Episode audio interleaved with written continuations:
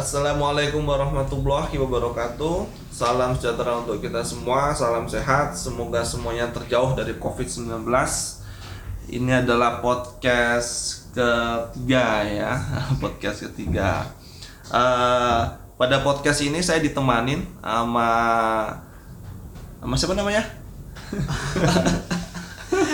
Abdullah Sani pak. Ada mic-nya ini agak tinggi nih biar ya. Abdullah Sani ya. halo Abdullah Sani.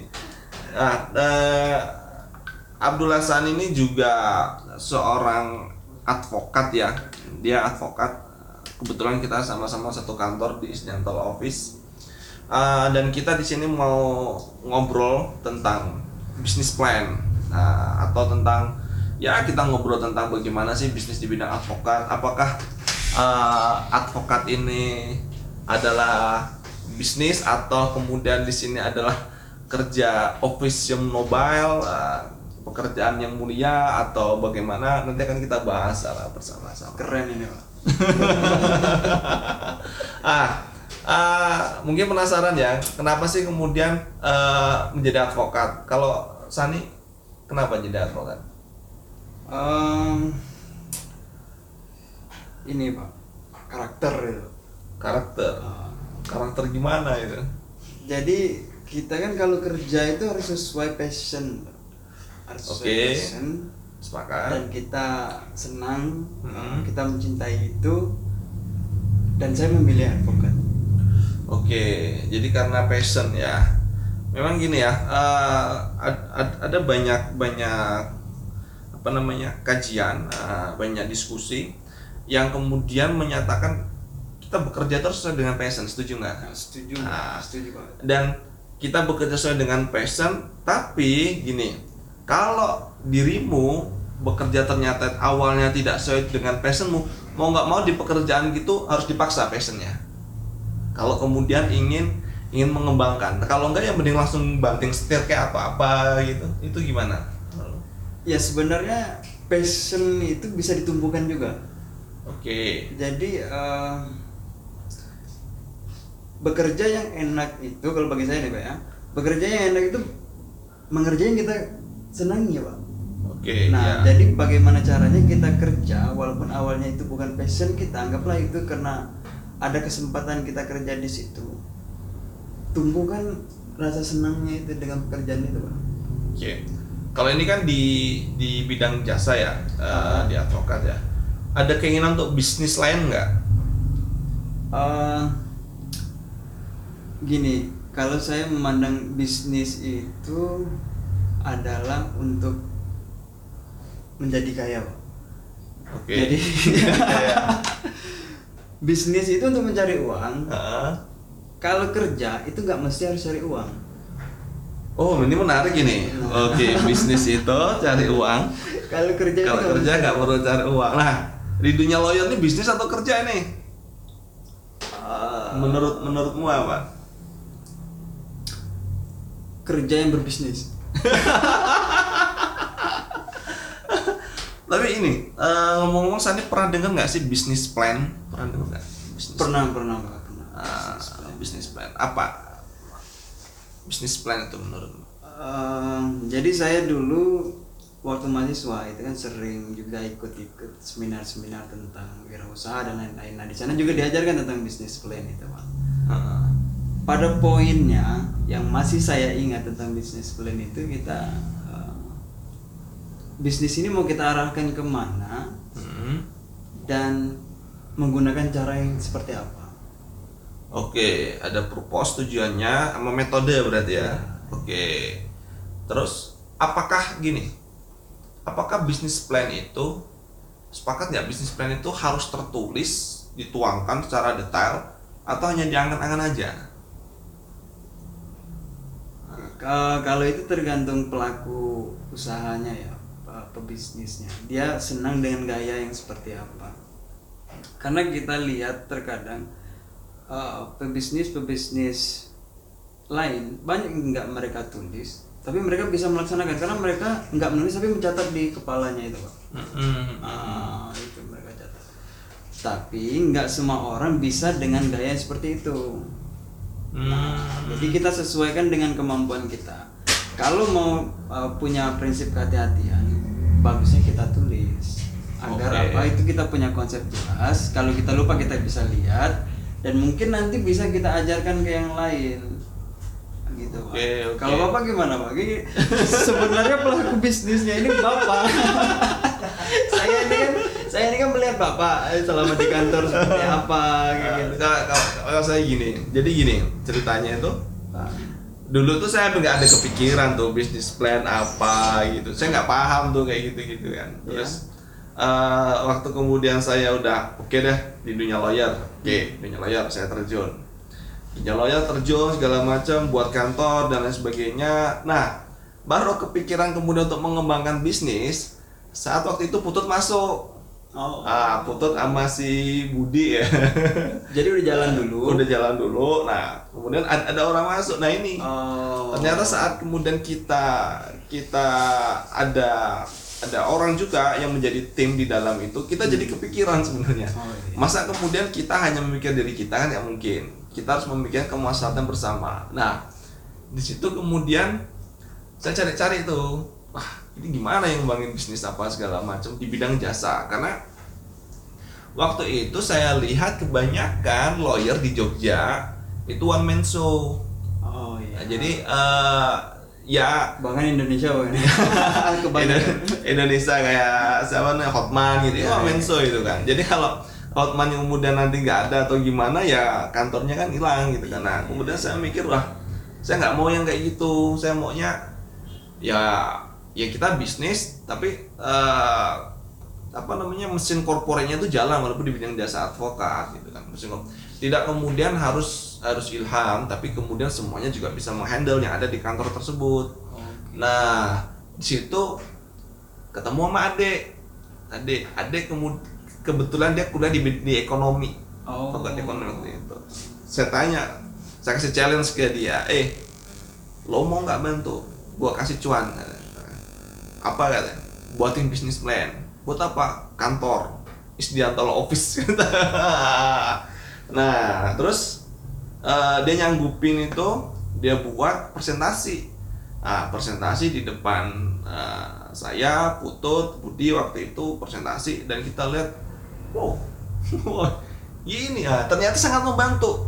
Hmm. Wah, jadi eh, walaupun banyak nisan ya di luar sana kita lihat orang itu dia nggak punya sistem administrasinya oke, mereka bisa sukses, ya nggak? Ya benar, Pak. ya kan tapi saat eh, kita bukan bagian dari orang-orang yang beruntung seperti itu kita kan harus eh, menyiapkan semuanya itu secara sistematis dan terorganisir gitu kan nah waktu itu ditulis segala macam kemudian muncul nih bayangan-bayangan jadi kelemahannya kita apa yang harus kita fokuskan kembangkannya apa segala macam bahkan itu dia nggak pakai survei Padahal kalau bisnis plan harusnya kan ada survei tuh.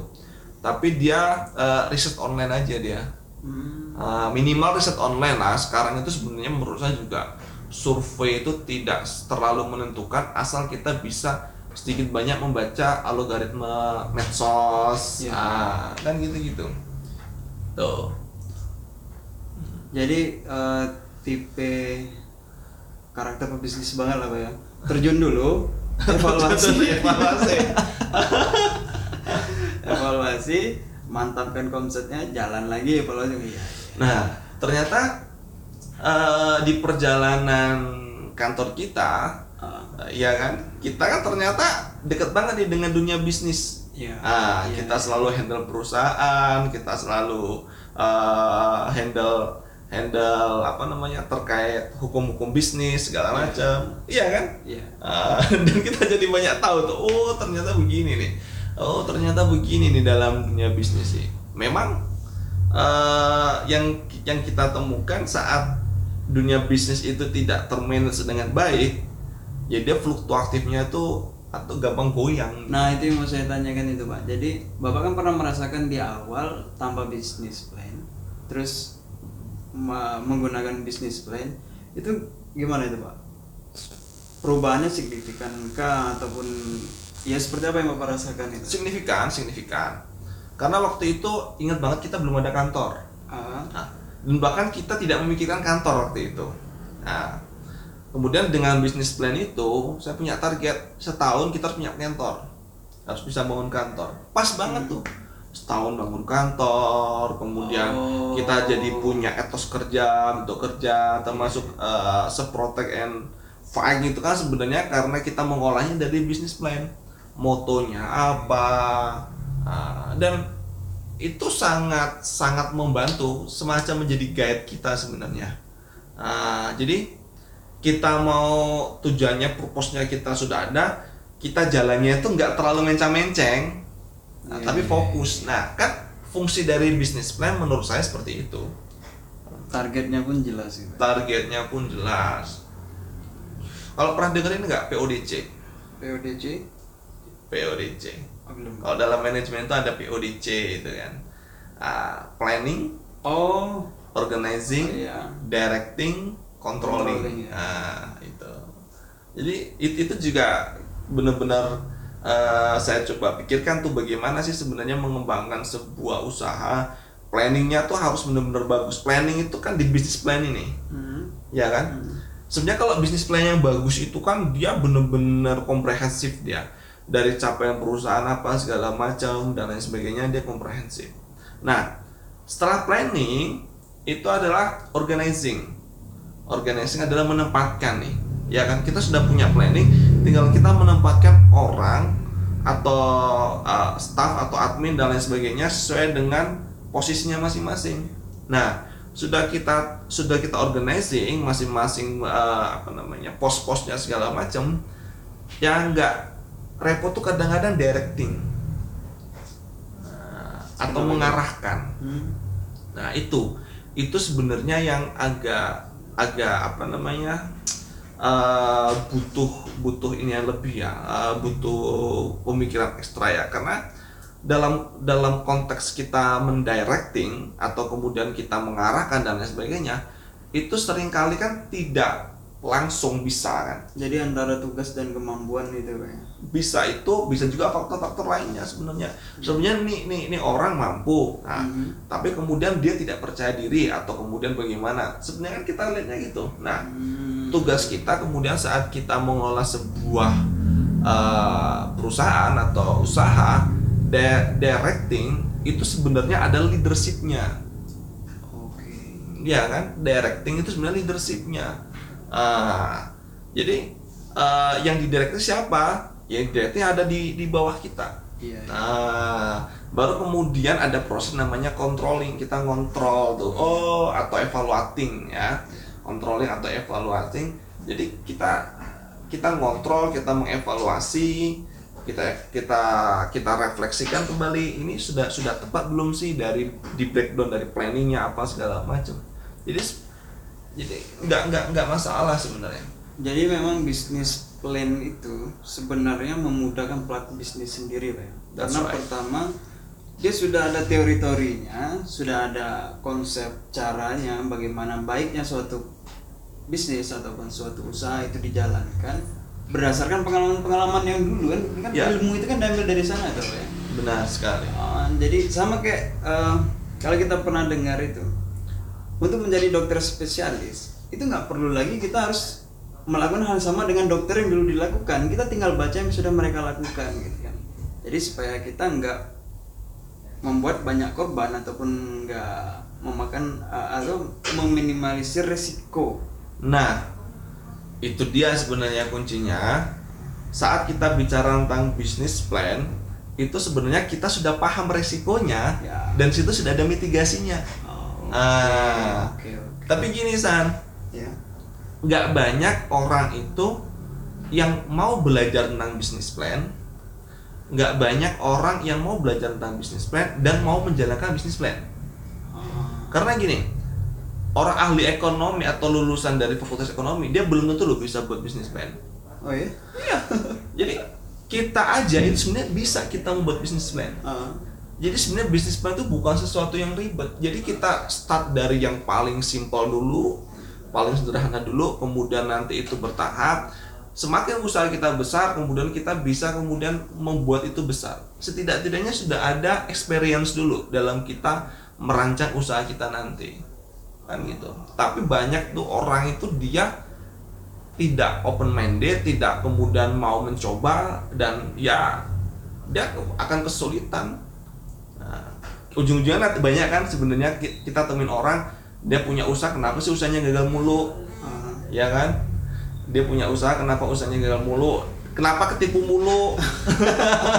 Ya kalau kita nanganin itu banyak gitu pak. Eh, kenapa ketipu mulu? Dan karena itu tadi tidak pernah mencoba menyelami di bidang bisnis itu seperti apa. Ah. dengan anda membuat bisnis plan anda sebenarnya sudah sudah mencoba menyelami itu dunia bisnis. Oh sudah bisa mengawang-awang. Oh iya ini ya itu ya ini ya itu ya. Sebenarnya mudah. Saya aja ada loh ini eh, apa namanya templatenya. Nanti deh saya kasih. Eh, dalam membuat bisnis plan. Nah, bahkan ada ada juga nanti di bisnis plan itu SWOT-nya. Pernah pernah dengar SWOT? Ya Ya, SWOT. Strength we- weakness uh, opportunity tinggi dan threat ancaman oh itu nah jadi kekuatan uh, kelemahan opportunity atau kesempatan dan ancaman itu kan cara untuk mengukur sebenarnya Hmm. Nah, jadi kita saat kita harus memulai bisnis, kita harus tahu modal kita apa. Selain modal duit loh. Hmm. Nah, contoh nih, eh, Sani punya modal, oke. Tapi Sani punya weakness atau kelemahan, tidak bisa mengatur modal. oh Dia nggak? ya masalah Kalau Sani tidak menulis itu, mungkin nggak sadar. oh Jadi kenapa sih saya bisnis kok kayaknya kacau mulu gitu kan? Ya, karena tidak pernah disuap. Nah, ada opportunity. Ada loh opportunity. Apa itu opportunity-nya? Ya ini saya ini bisa meng-hire orang yang mampu dalam mengelola keuangan untuk menutupi weakness-nya, kelemahannya. oke Nah, kemudian ada ancaman ancaman nih nih ancamannya adalah di situ nih orang nih bakal bisa eh, nipu eh, atau bawa kabur duitnya segala macam. Nah, Sani kan sebagai orang hukum ada lagi itu kelebihannya. Sani membuat aturan Hmm. atau perjanjian. Nah, kan itu, itu kan tadi kekuatan. mitigasinya itu pak ya Nah, itu adalah mitigasinya sebenarnya. Jadi membuat bisnis sebenarnya menyenangkan. gini pak eh, ke- bicara tentang bisnis itu kan bis, mesti ada apa eh, kompetitor mau bisnis baru pun nanti bakal ada kayak gitu Bakal ada. apalagi bisnis eh, kantor hukum ataupun lawyer yang seperti ini itu gimana itu pak? Membaca itu seperti apa? Eh, jadi gini, it, it- itu kalau dalam bisnis plan tetap harus ada itu biasanya kompetitor segala macam. Dan kemudian kita harus bisa membaca petanya, sekaligus kita kemudian melihat eh, value plusnya itu apa, tambahan atau nilai tambah dari kitanya itu apa, sehingga kita saat kita menjual produk kita baik barang ataupun jasa dalam berbagai macam bisnis, orang tuh kemudian berpikir ah udah deh ke Ilham aja. Nah, dia ada ini. Nah, kita memiliki sesuatu yang nggak dimiliki nah. kompetitor gitu ya dan itulah sebenarnya di situ eh, marketing itu berjalan. Nah di situlah kemudian ilmu dalam marketing itu sebenarnya bagaimana dia membuat eh, promo Iya. kemudian dia membuat program paketan apa segala macam. Nah, itu kan sebenarnya dari ilmu-ilmu marketing sebenarnya. Nah, itu yang kemudian harus dipikirkan. Kalau kita cuma buat-buat aja kita tuh ah komputer ah berani gitu aja. Uh. Anak sultan tuh berarti. Iya masih Gitu. banyak ini eh, apa? Modal cadangan. Gagal. Gagal. Gagal. Ah, ah duit segitu gampang nih. Minta orang tua. Tapi memang berbisnis itu kebanyakan kan kayak gitu pak ya. Mereka itu melalui fase-fase yang hmm, fase sulit lah. Semua bisnis pasti bilang kayak gitu. Fase sulit. Ada gagalnya ada ya bermacam-macam. Ruginya dan lain-lain di situ serunya sebenarnya. Di situ serunya challenge-nya di situ. Jadi saat eh, banyak ya banyak yang yang cerita sama saya. Saat lo bisnis dan kemudian di situ ada fase down eh, turun masa krisis dan kamu bisa melewati krisisnya itu bisa lebih lebih greget setelahnya. Apalagi pas pandemi ini pak ya. Nah, jadi orang-orang orang-orang ngeliat pandemi gini itu kan orang bermasalah segala macam. Sebenarnya pinter-pinter kita aja di era pandemi ini kita membuka peluang baru. oh Apa pun itu bentuknya segala macam. Ah, kita kita itu aja sebenarnya yang harus di- dilakukan. Fokusnya di situ. Nah, itulah dalam dalam dalam dunia bisnis apa namanya dalam dunia bisnis itu makanya semua itu lebih baiknya nih Hmm. itu dituangkan dalam bisnis plan. Kan gini pernah dengar nggak? Orang sukses orang kaya itu karena dia pantas untuk kaya. Iya. Bukan karena keberuntungan lah ya keberuntungan mungkin adalah beberapa faktor ya. Dia menang lotre gitu kan. Hmm. ada juga faktor dari orang tua gitu. Tapi gini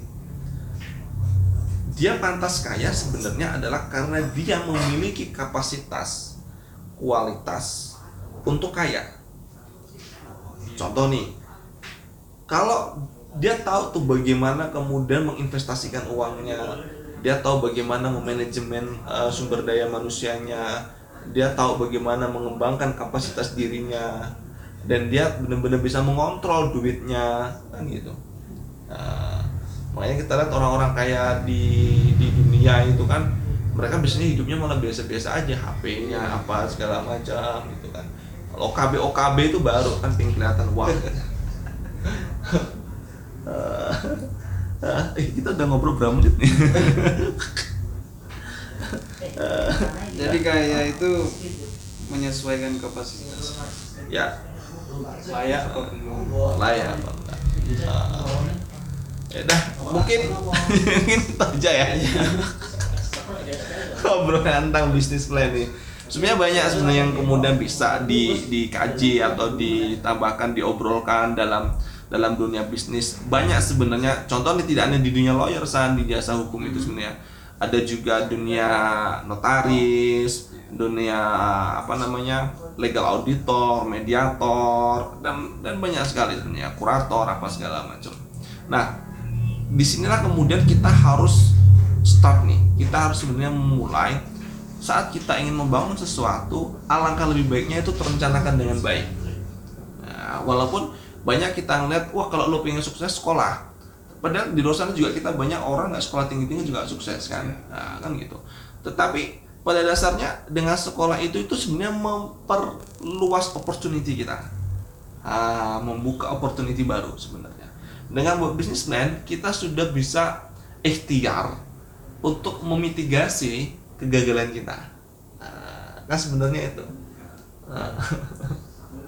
ada terakhir yang kau sampaikan? Ehm, banyak banyak banget yang saya dapatkan ini pak. Tentang kapasitas layak apa belum untuk menjadi sukses atau kaya terus tadi juga bapak bilang bahwa sekolah itu bukan untuk sukses tapi sekolah itu untuk membuka oppor- opportunity. Karena sukses tanpa sekolah pun bisa kayak gitu. Terus kita juga harus siap.